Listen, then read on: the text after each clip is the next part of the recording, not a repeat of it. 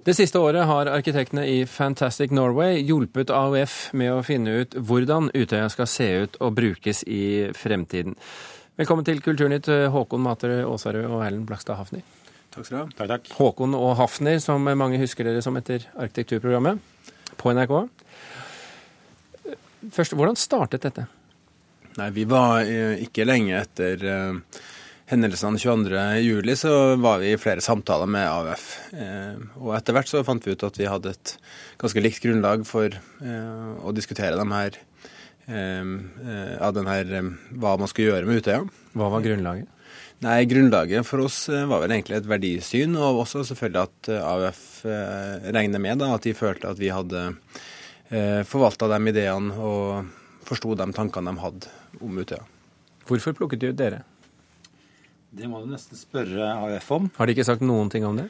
De har vel sagt at vi, de følte at vi kunne forvalte deres ønsker på en måte som eh, de følte seg trygge kunne gi de svarene de ønsket seg, kanskje. Altså Hvis man skulle si det litt sånn Det vil i hvert fall være fortolkningen.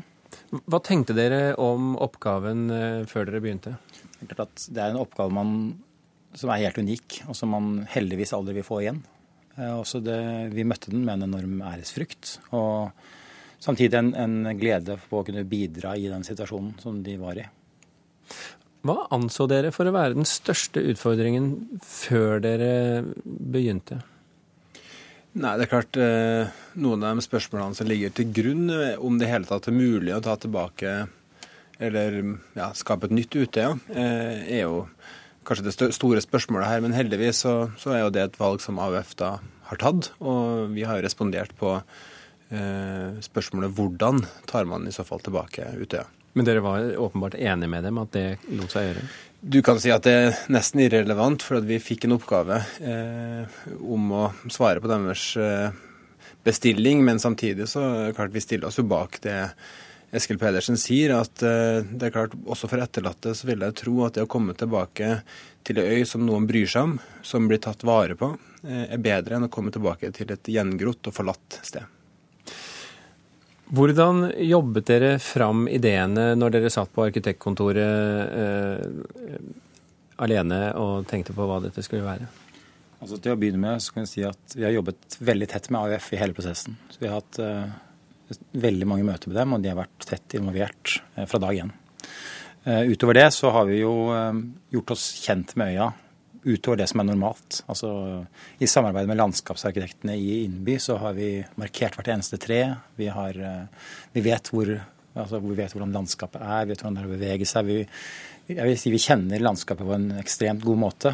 Så det har vært et grunnlag, en slags analyse, som ligger til grunn for det rent arkitektoniske. I tillegg til det så har det selvfølgelig vært det følelsesmessige aspektet som, har, som har ligget til grunn for eh, prosjektene. Og så har vi jobbet med mye modeller. Vi har gjort Jeg vil nok si at vi har nok aldri jobbet så mye med et prosjekt før som, som dette prosjektet her. Hva ville dere med Utøya? For oss så var det viktig at prosjektet vi eh, skulle gjøre på Utøya, skulle reflektere hva AUF står for, og hva Utøya er. Eh, og Det er bl.a. Eh, engasjement, det er samhold og det er mangfold. Verdier som vi hadde lyst til at skulle skinne gjennom i prosjektet. Og For å få til det så var vårt svar å etablere en landsby. altså en samling av masse enheter som til sammen blir noe større. Som vi da i seg selv syns er et fint bilde på, på fellesskap og på det kollektive. Hvordan materialiserer disse, dette seg rent formmessig og arkitektonisk? Altså Helt uh, praktisk sett så har vi strukturert den nye bygningsmassen rundt et torg på toppen av øya.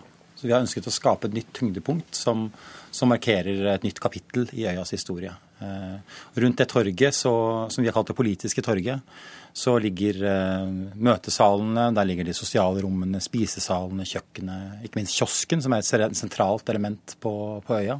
Men også et tårn som tydelig markerer hva som er sentrum på øya, og som, som man kan se uh, som et nytt element som bryter den kjente silhuetten som har markert seg i alles erindring. For oss så, så har jo eh, egentlig den her ikoniske profilen til øya vært et veldig viktig og sentralt tema ganske tidlig i, i prosjekteringa. Og som Erlend da er inne på, så var for oss det å, å gi øya en ny silhuett eh, noe nødvendig for å vise at man også fra avstand at man kan se at man har eh, trådd inn i et nytt kapittel.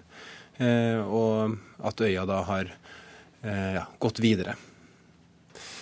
Hvordan tror du det blir med øya i 2015 når alt dette skal da tentativt stå ferdig, og det fylles med ungdom? Jeg tror det blir noe annet enn det har vært. Det er åpenbart. Samtidig så har vi jo lagt til rette for at eh, rent som praktisk at eh, leirlivet der skal bli enda bedre. Altså at det er mer praktisk. Eh, men det er klart stemninga og sånt vil helt sikkert bli annerledes. Men vi har veldig troa på at det kan bli et veldig godt leirsted, og et levende leirsted. Som tar med seg mye av de tradisjonene og den kulturen som gjennom flere tiår har prega Utøya, og som samtidig tilfører noe nytt. Og kanskje forhåpentligvis da øya en enda mer tydelig bygningsmasse. Hvis dere vil se noen bilder av dette her, så ligger det på nrk.no, en liten bildeserie som, som dere har uh, gitt oss. Nrk.no, altså. Eh, de nye ut, det nye utseendet på Utøya. Håkon Matre Aasarød og Erlend Blakstad Hafner fra Fantastic Norway, tusen hjertelig takk for at dere kom til Kulturnytt. Takk for oss.